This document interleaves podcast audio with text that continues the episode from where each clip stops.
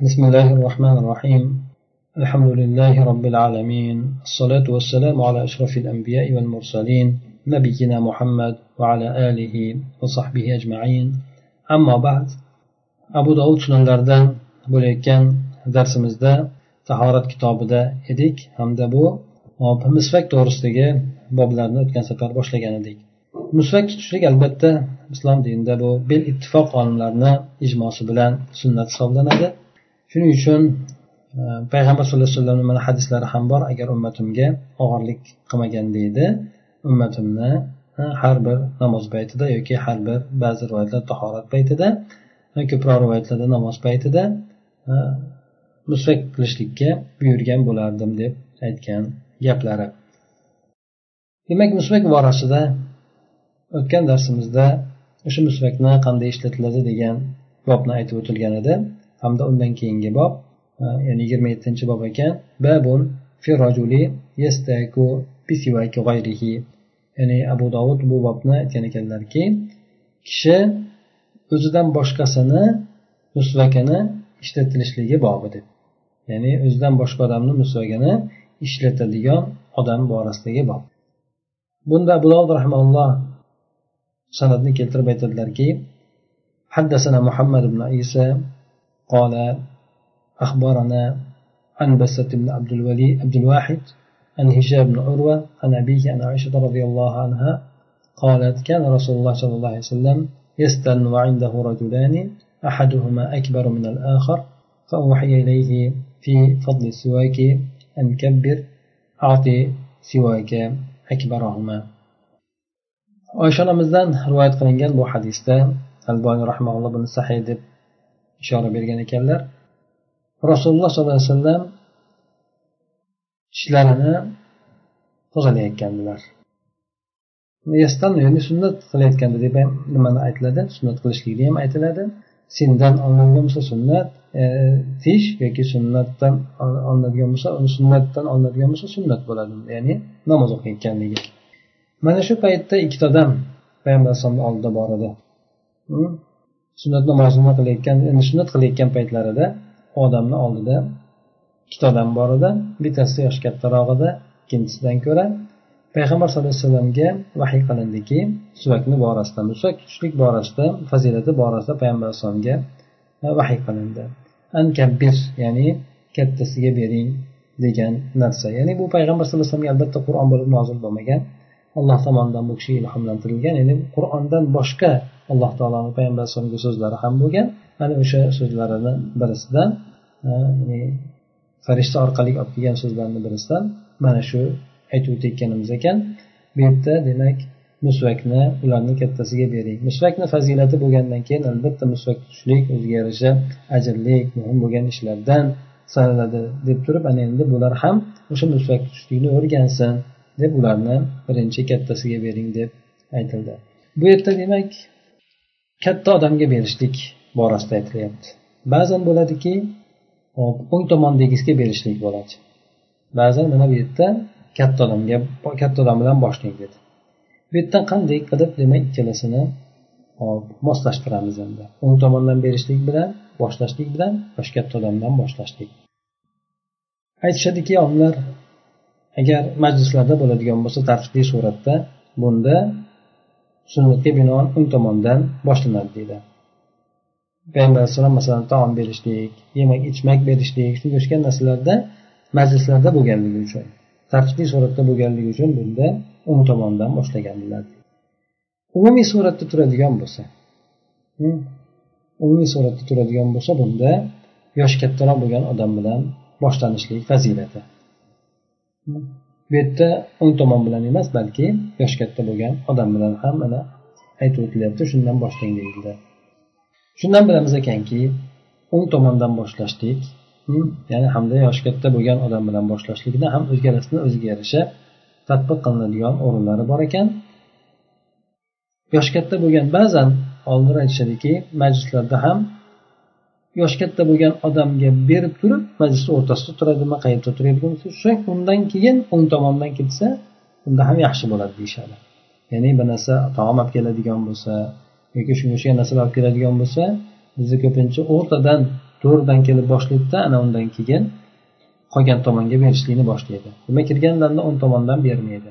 Shunda aytishadiki demak hurmatli bo'lgan obro'li bo'lgan odamlardan oldiga borib turib boshlaydida ana o'shalardan keyin undan keyin o'ng tomoniga qilib qarab ketaveradi deydi demak bu hadisni sahiy deb albon rahmaulloh aytgan ekan bu yerda demak bir odam boshqa bir odamni musvagini ishlatishligi mumkinligi mana bundan keyingi hadisda bu ham oysha onamizdan rivoyat qilinadi bunda qanday suratda qilishligi mana aytib o'tadilarki bu hadisni abu dovud rahmaulloh shunday deb aytadilar قال حدثنا محمد بن بشار قال أخبرنا محمد بن عبد الله الأنصاري قال أخبرنا أنبسة بن سعيد الكوفي الحاسب قال أخبرنا كثير عن عائشة أنها قالت كان نبي الله صلى الله عليه وسلم يستاك فيعطيني السواك لأغسله فأبدأ به أستاك ثم أغسله وأدفعه إليه ya'ni payg'ambar sallallohu alayhi vasallam musvak tutardilar keyin musvagini menga yuvishligim uchun berdilar men u bilan boshladim boshlab o'zimni o'zim musvak qilaman so'ng undan keyin payg'ambar yuvib ko'rib yana payg'ambar sallallohu alayhi vasallamga qaytarib beraman dedi. Demak birovni musvakini tutayotgan paytda uni yuvishlik. Birov musvak tutayotgan bo'lsa boshqa odam ham ishlatishligi mumkin.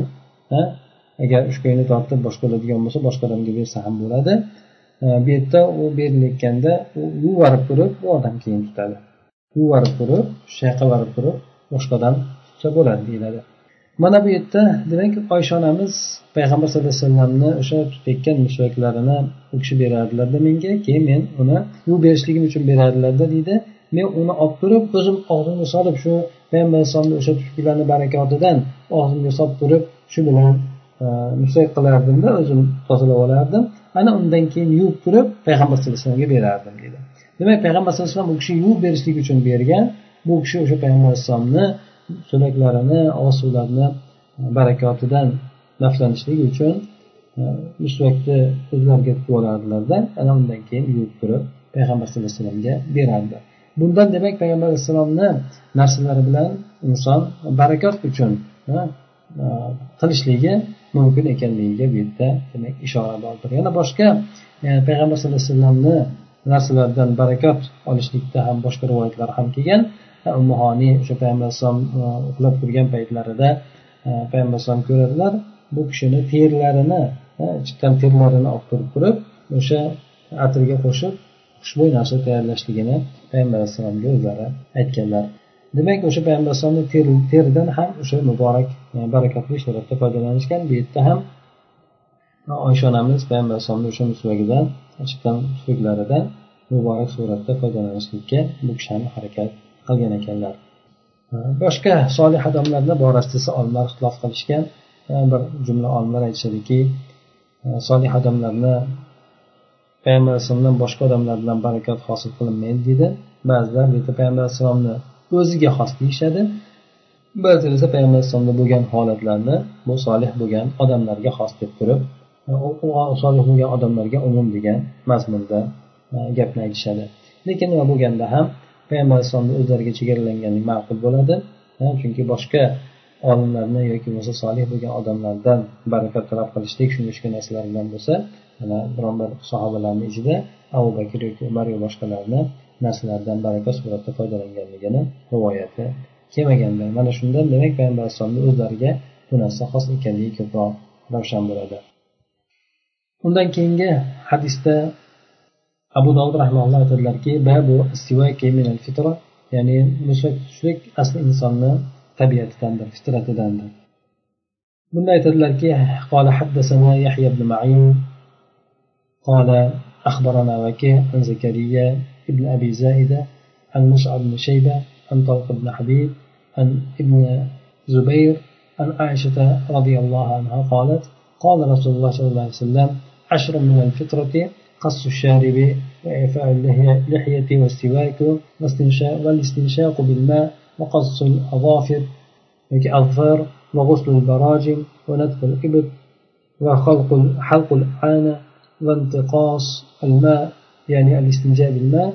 قال زكريا وقال مصعب ابن شيبة ونسيت العاشرة إلا أن تكون مضمضة. بنا مسلم هم رواية في كان oysha onamizdan bu hadisda ham rivoyat qilinyapti. U kishi aytdilarki rasululloh sollallohu alayhi vasallam aytdilar o'nta narsa borki bu fitratdan bular alloh taolo inson tabiatiga qo'ygan inson tabiatiga mos keladigan narsalardan bulardan birisi mana mo'ylovni qirtishlashlik qisqartirishlik soqol qo'yishlik musvak tutishlik hop burniga suv olib tozalashlik tirnoqlarni olishlik qisqartirishlik hmm, tirnoq olishlik va g'osli barojim barojim deb bo'g'imlarni aytadi. Barmoqlarni oralari bo'g'imlari oyoqniki bo'lsin qo'lniki bo'lsin. Ana o'sha joylarni yuvishlik chunki bular o'tinish tahorat qilayotgan paytida ham inson o'sha suv tegmasligi mumkin. Shuning uchun alohida ta'kidlanadi ham o'sha sunnat suratda barmoqlarni oralariga oyoq barmoqlarini oralariga ham suv yugurtirishlik alohida o'sha qo'l panja bilan tahlil qilib qo'yishlik. Hop hamda e, qo'ltiq tutlarini yulishlik degan. Qo'ltiq tutlarini yulishlik hamda avrat atrofidagi bo'lgan tuklarni halqul ana ana deb avratni aytadi. Inson ayoldagi bo'lsin erkakdagi bo'lsin o'shani atrofidagi bo'lgan tuklarni halq qilishlik.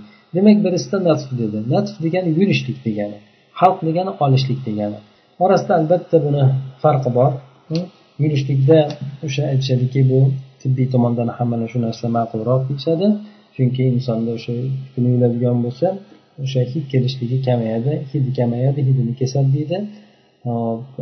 Lekin pastdagi bo'lgan tuklarni esa albatta bularni ustara yoki bo'lmasa shu narsalar bilan shunga o'xshagan narsalar bilan olib tashlanadi. Hop lekin qo'ltiqdagini agar hal qilsa ham o'sha tagidan olib tashlaydigan bo'lsa bu ham kifoya qilaveradi lekin aslida o'sha natib bo'lganligini ya'ni yulinganligini foydasi ko'proq bo'ladi. Intiqosilma ya'ni bu yerda al istinja bilma deb mana o'zi e, vaki shu roviy vaki e, rahmaulloh buni shu sharhlab aytgan ekanlar. Ya'ni suv bilan tozalanishlik ya'ni istinjo qilishlik bu tahorat ishlatgandan keyin suv bilan tozalanishlik. Mana shu narsalar hammasi o'sha fitratga mos bo'ladigan narsalardir. Bularni orasida sunnat bo'lgan ham bor vojib bo'lgani ham bor e, bu nima e, amallarni ichida. Hop lekin umumiy suratda bularni fitratdan deb aytildi qola zakariya hop zakariya aytadiki musab shayba aytdilarki ya'ni roviylardan birisi o'ninchisini unutib qo'ydim. Bu yerda madmada bo'lsa kerak deb aytgan ekanlar u kishi. Ba'zilar aytadiki madmada emas bu hop ya'ni xatn xatna qilishlik e, deb ba'zilar aytishgan ekan. Undan keyingi hadisda aytadilarki abu dovud rahmaulloh ammor ibn yosir roziyallohu anhudan buni rivoyat qilib turib rasululloh sollallohu alayhi vasallam aytdilarki إن من الفطرة المضمنة والاستنشاق فذكر نحوه ولم يذكر إعفاء اللحية وزاد والختان قال والانتضاح ولم يذكر انتقاص الماء يعني الاستنجاء bu rivoyatda ham o'sha yuqoridagi o'xshash rivoyat faqatgina orasidagi ozroq farqi bor ekan shuni bayon qilib aytyaptiki payg'ambar sallallohu alayhi vasallam fitratdan deb aytdilar mabmada qilishlik ya'ni og'izga suv olib chayqashlik g'arg'ara qilib hamda istinshoq burunga suv olib chayqashlik mana shu narsalarni yana qolganlarini ham davom ettirib aytdilar lekin bu yerda soqol qo'yishlik deganni aytmadi keltirmadi hamda buni o'rniga e, xatna qilishlikni ziyoda qildi. Hm, xatna qilishlik ya'ni fitratdan deb aytib o'tdi. Yana aytadiki mustahab qilishlikni intiqosilmani o'rniga yana bu yerda intiboh degan so'zni keltirgan ekan.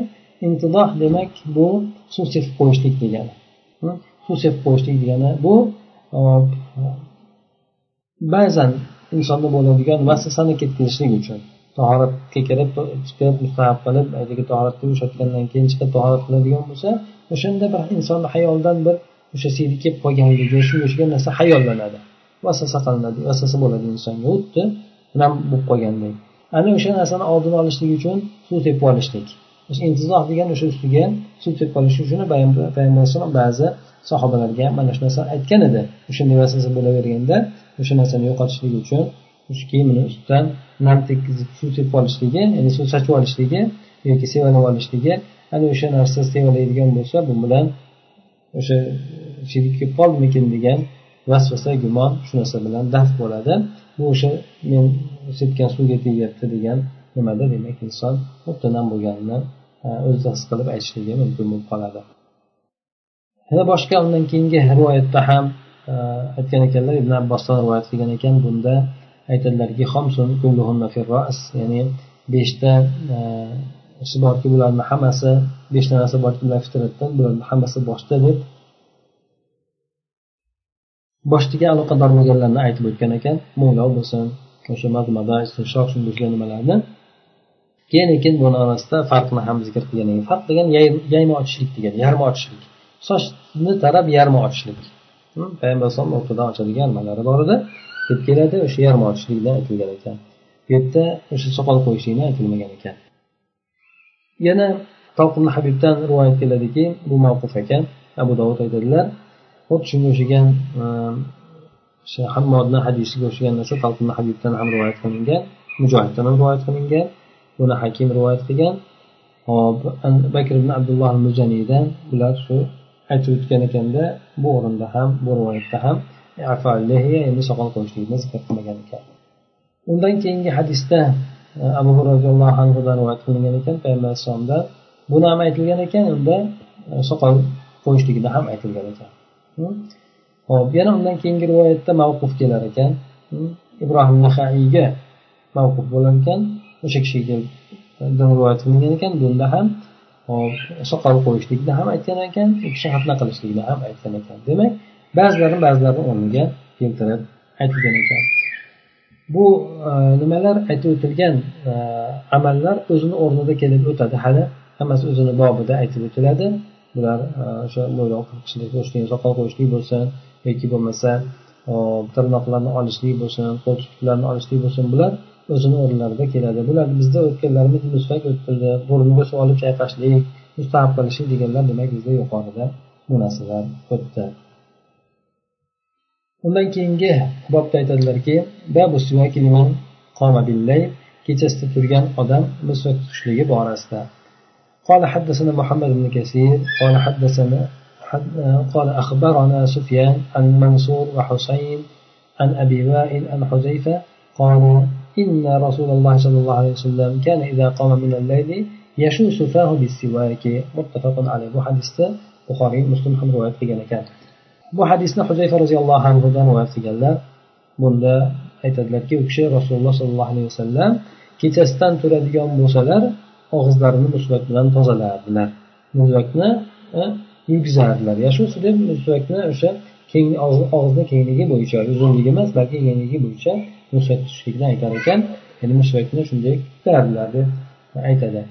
Demak kechada turganda qilishligini sababi bu albatta ma'lum. Inson uxlab turgan bo'lsa og'izda hid bo'lishligi o'sha e, qolgan e, qolib ketgan yoki o'sha o'rnashib qolgan mikroblar bo'lsin yoki bo'lmasa shu taom qoldiqlari bo'lsin ana o'sha narsalardan insonni og'zida noxush paydo hid paydo bo'lishligi hamda payg'ambar sallallohu alayhi vasallam agar o'shanday uyqudan turadigan bo'lsalar albatta og'izlarini musvak qilardi demak u kishida musvak doimiy suratda yonlarida bo'lardi undan keyingi hadisda aytadilarki قال حدثنا موسى بن إسماعيل قال حدثنا حماد قال أخبرنا بهز بن حكيم عن زرارة بن أوفاء عن سعيد بن هشام عن عائشة أن النبي صلى الله عليه وسلم كان يوضع له وضوءه وضوءه وضوءه وسواكه فإذا قام من الليل تخلى ثم استاك payg'ambar sallallohu alayhi vasallamga tahorat qiladigan suvlari ham musvaklari ham tayyorlab qo'yib qo'yilar edi kechasida agar kechasidan turadigan bo'lsa bu kishi tahoratga borib kelardilar tahoratni o'shatib kelardilar keyin keyin musvak tutardilar deb keladi demak kechasida payg'ambar alayhisalom turib namoz o'qiganligi uchun o'sha suvlarini tayyorlab qo'yilardi musvakini ham o'sha yerda u kishi kechasida turib odatlari bo'lganligi uchun musvakini ham tayyorlab qo'yilar edi oldin tahoratga borib kelib keyin borib kelgandan keyin musvak tutardilar pastdagi demak boshqa hadislarda ham shu narsalarni quvvatlab keltiriladi bulardan mana aytadilarki حدثنا محمد بن كثير قال أخبرنا همام عن علي بن زيد عن محمد عن عائشة رضي الله عنها أن النبي صلى الله عليه وسلم كان لا يرقد من ليل ولا نهار فيستيقظ إلا يتسوق قبل أن يتوضأ payg'ambar sallallohu alayhi vasallam kechadan kunduzidan qaysi paytda uxlab turadigan turadigan bo'lsalar uxlab turmasdilar illo qachon turadigan bo'lsalar tahorat olishlaridan oldin musvat tutardilar deydi yuqorida alboniyni ishorasida keladiki bu e, bu hadis hasan darajasida lekin vala nahar degani bundan emas deb aytgan ekan ya'ni shusizi bo'lgani hasan darajasida deb aytilgan ekan ya'ni kechasida payg'ambar alayhisalom uxlab turadigan bo'lsalar albatta tahorat olishlaridan oldin bu payg'ambar alayhisalomni odatlari bo'lganda undan keyingi hadisda aytildilarki قال حدثنا محمد بن عيسى قال أخبرنا هشيم قال أنبأنا حسين عن حبيب بن أبي ثابت عن محمد بن علي بن عبد الله بن عباس عن أبيه عن جده عبد الله بن عباس رضي الله عنهما قال بت ليلة عند النبي صلى الله عليه وسلم فلما استيقظ من منامه أتى طهوره فأخذ سواكه وأستاك ثم تلا هذه الآية إن في خلق السماوات والأرض واختلاف الليل والنهار لآيات لأولي الألباب حتى قارب أن يختم السورة أو ختمها. ثم توضأ فأتى مصلاه فصلى ركعتين ثم رجع إلى فراشه فنام ما شاء الله ثم استيقظ ففعل مثل, ما مثل ذلك ثم رجع إلى فراشه فنام ثم استيقظ ففعل مثل ذلك ثم رجع إلى فراشه فنام ثم استيقظ ففعل مثل ذلك. كل ذلك يستاك ويصلي ركعتين ثم أوتر abdulloh ibn abbos roziyallohu anhu payg'ambar alayhissalomni huzurlarida bir kecha yotganlarini aytadi ya'ni abdulloh ibn abbosni xolalari payg'ambar alayhissalomni ayollari edi shu jihatdan abdulloh ibn abbos ham balog'atga yetmagan yoshi bola bo'lganligi uchun payg'ambar alayhissalomni huzurlarida ba'zida uxlab qolardilar shunda bu kishi garchi yosh bola bo'lib uxlagan bo'lsa ham payg'ambar alayhissalomni xatti harakatlarini kuzatardi bu kishi nima qilyapti qanday turyapti qanday ibodat qilyapti qanday holat qilyapti bu kishi payg'ambar alayhissalomni kuzatar edi ana demak bu ham u kishini o'sha ilmga chanqoqligi ilmga juda ham e, hadisligini ifoda qiladi. Yosh bo'lishligiga qaramasdan payg'ambar alayhissalomni demak holatlarini qilgan ishlarini saqlab qolganligi. Payg'ambar alayhissalom kechasida uyqusidan turdilar. Tahoratini olib keldilar. Ya'ni tahoratini oldiga borib tahorat suvlarini oldilar keyin musvagini ham oldilar. Musvak qildilar. So'ng mana bu oyatni o'qidilar. Albatta yer osmonlarda hamda kecha kunduzni almashib turishligida har xil bo'lishligida aql egalari uchun oyatlar bordir deb aytilgan o'sha olimron surasidagi oxirgi oyatlarini bu kishi tilovat qildilar. Hattoki surani tugatishlikka yaqin bo'ldi yoki tugatdilar ham deyiladi. Demak o'zi o'n oyatdan iborat bo'lgan olimron surasini oxirgi oyatlari. Buni o'sha o'n oyatda hammasini o'qishlikka yaqin bo'ldi yoki o'qib qo'yib o'qib tugatib qo'ydilar surani deydi ana undan keyin tahorat oldilar. Payg'ambar alayhissalom demak bu yerda inson tahoratsiz ham tahorati yo'q bo'lgan holatda avvalo mana mushafga tegmagan holatda ham qur'on o'qishlikni joizligiga bu dalolat qiladi. Uyqudan turgandan keyin inson demak e, agar junub bo'lmaydigan bo'lsa qur'on o'qishligi mumkindir so'ng tahorat oldilar. Payg'ambar alayhisalom keyin musollar namoz o'qiydigan uyda namoz o'qiydigan joylariga keldilar. Ikki rakat namoz o'qidilar so'ng yana to'shagiga borib qaytdilarda alloh xohlagancha yana o'sha yerda dam oldilar uxladilar. So'ng uyg'ondilar yana avvalgi qilgandek qildilar ya'ni hop tahorat olib ikki rakat namoz o'qishligi. So'ng yana o'sha to'shagiga qaytdilar yana uxladilar. So'ng yana uxlab uyqudan turib uyg'onib yana o'sha avvalgi narsalarni mislini qildi. So'ng to'shagiga qaytdi. So'ng yana uxladi uyqusidan turib yana shunday qildi.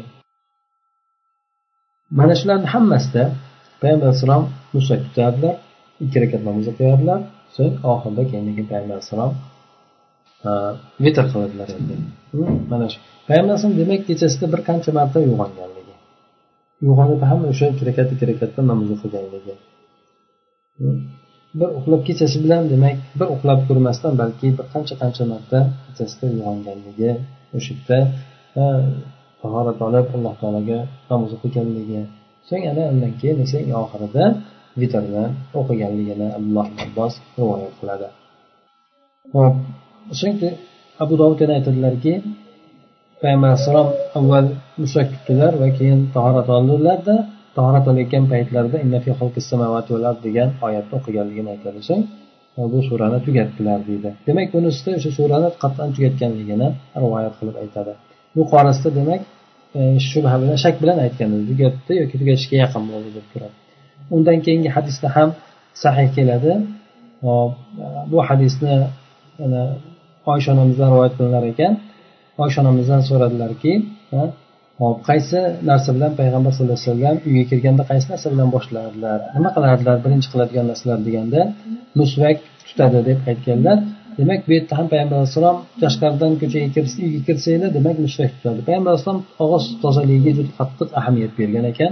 Chunki bu bilan payg'ambar alayhissalom oilasi bilan muomala qiladigan bo'lsa keladigan elchilar bilan boshqalar bilan demak doimiy suratda payg'ambar alayhissalom odamlar bilan muomalada bo'lgan. Shuning uchun bu kishidan noxush chiqishligiga bu kishi hech qachon rozi bo'lmaganlar. Mana shu jihatdan doim musvat tutishlikka payg'ambar alayhissalom qattiq ahamiyat berganlar. Ana shundan demak e, hammaga bu narsa musulmonlarga e, bu sunnat bo'lgan xosatan ko'p odamlar bilan aralashadigan odamlarga albatta musvat tutishligi e, bu narsa ko'proq taqliroq bo'ladi. Shu musvakni ko'p fazilatlari bor. Tibbiy tomondan ham sog'lik inson sog'lik tomoniga ham ajr tomonidan ham. Shuning uchun musvakni bu albatta tishli yuvish pastalarini ishlatishlik musvakni o'rniga o'tmaydi lekin qaysi bir navda qaysi bir turda tishni tozaligiga bu ham sabab bo'ladi lekin musvakni o'zini o'rni boshqa bo'ladi سبحانك اللهم وبحمدك نشهد ان لا اله الا انت نستغفرك ونتوب اليك اللهم انفعنا بما علمتنا وعلمنا ما ينفعنا وزدنا علما